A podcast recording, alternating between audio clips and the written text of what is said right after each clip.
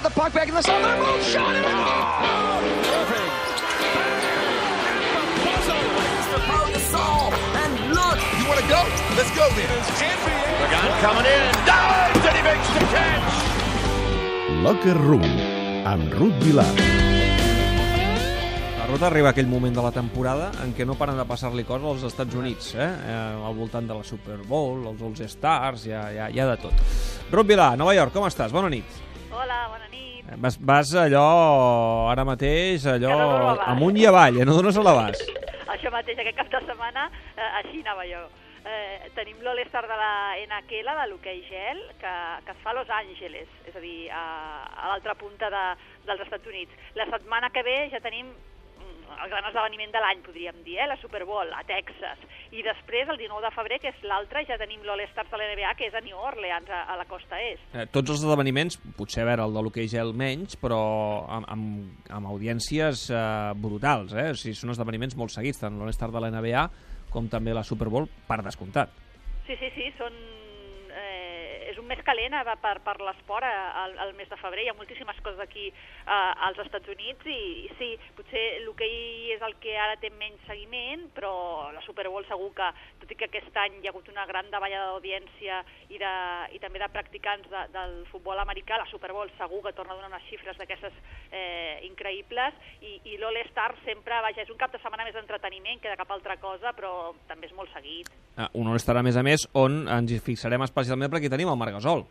I tant, el Marc ha estat elegit com a suplent de l'equip de l'Oest. Recordem que els suplents de cada equip els trien els 30 entrenadors de l'NBA i compartirà banqueta amb Russell Westbrook, que, que segurament era el gran absent de l'equip titular de l'Oest, i amb altres jugadors com, com Draymond Green, com de Marcos Cousins.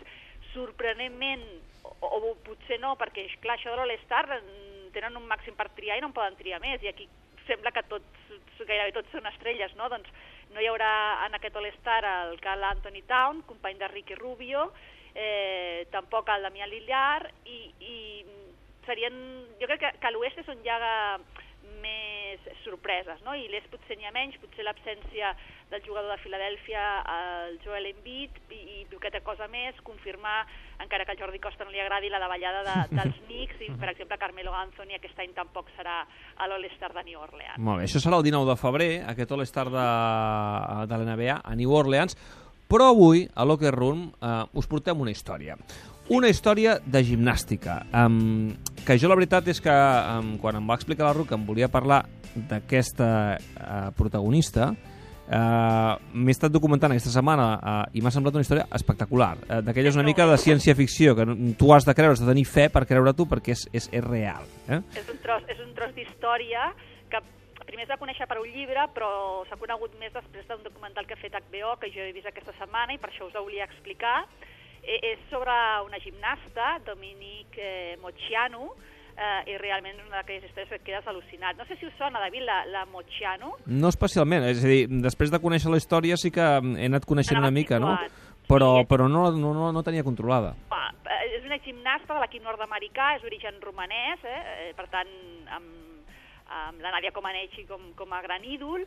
Eh, eh, va participar als Jocs Olímpics d'Atlanta amb la selecció dels Estats Units el 96, forma part, eh, per tant, del grup de les set magnífiques que, els, que, que van anomenar en aquell equip, i també se'n va parlar molt d'ella fora de, fora de, del gimnàs, perquè amb 17 anys va decidir demanar l'emancipació dels seus pares davant un jutge, i això doncs, eh, en van parlar molt als mitjans. Ella denunciava els pares, per, sobretot el pare, eh, per maltractament, tant física com psicològicament, i és un d'aquells cas que cada vegada afortunadament en veiem, en veiem menys, però d'aquells pares d'esportistes d'elit que maltracten els fills, en aquest cas físicament, però molt psicològicament, que els pressionen molt i que cada vegada, cada vegada veiem menys. Mm, Això és a dir, te- te- te- tenim a Dominic Mocceano, eh, d'origen romanès, eh, amb un pare que, que la maltractava, eh, em, protagonista als Jocs d'Atlanta del 96, Sí, un tros de gimnasta, eh? Un tros de una gimnasta. molt bona gimnasta, però atenció perquè Sí. aquí ve la història potent. Eh? Sí, sí, la història eh, ens trasllada fins a Califòrnia,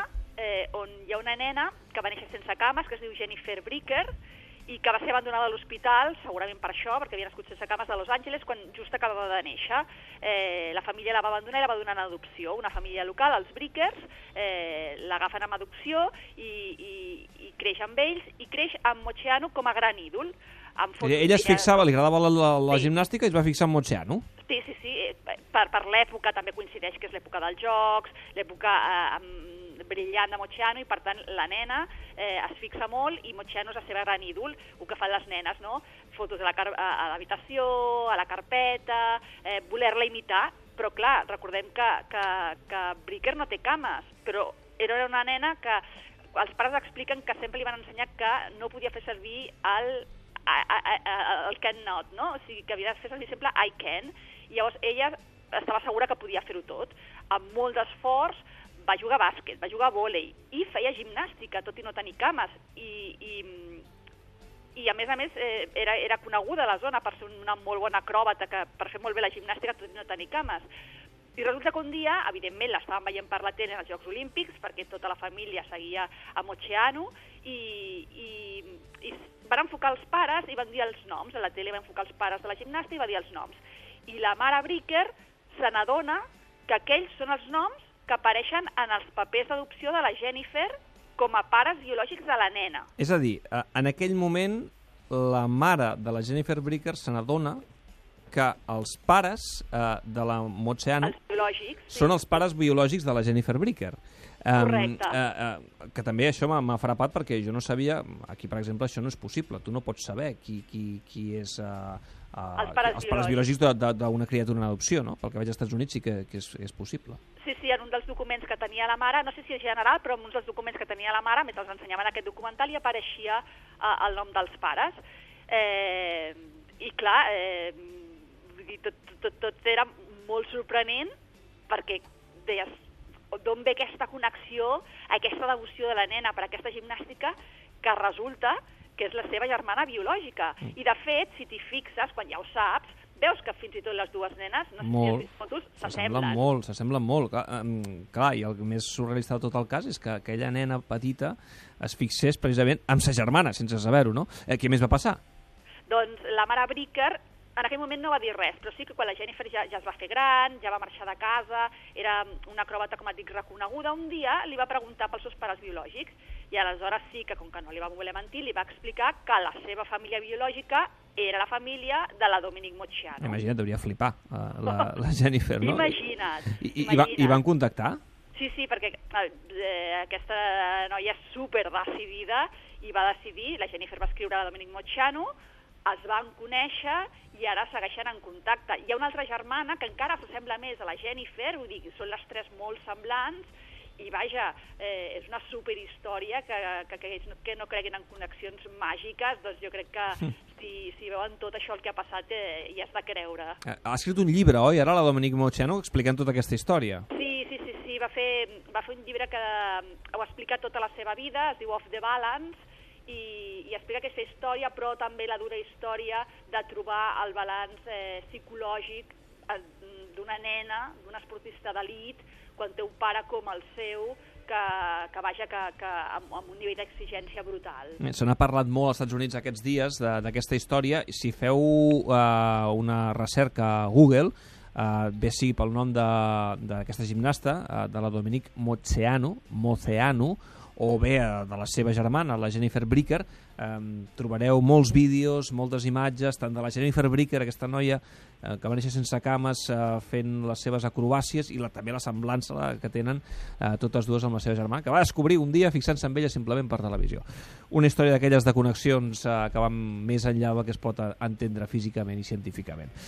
Ruth, molt bona història. Uh, la setmana que ve Super Bowl, eh? Correcte, sí, sí, ja la tenim aquí. Amb qui eh, vas tu? Amb qui vas? Amb els Patriots? És que a mi jo, el Brady no m'agrada gaire. No, hombre, no. Llavors, no, no, no, no, no, ho he de decidir. Mira, aquesta setmana ho decidiré. Molt bé, doncs eh, és a, a Houston a dos quarts d'una, oi? Si no, tinc si no recordo malament, la, el diumenge de la setmana que ve, oi? Això mateix. Molt bé, fantàstic. Uh, Patriots contra Falcons, no? Falcons, Atlanta Falcons. Has vist que estic ficat amb el tema? Falcons, no? Que són, que són d'Atlanta, l'equip del Tata Martino. Sí, mira. Va, he de triar, no sé, em sembla que ara ho creu, a veure qui, qui, qui em fa més gràcia. Revisaré les plantilles a veure qui em cau més bé. Segur que ho tindràs molt clar revisant plantilles. fotos, perdó, fotos. Ruth, gràcies, fins la setmana que ve. Vinga, fins la setmana que ve.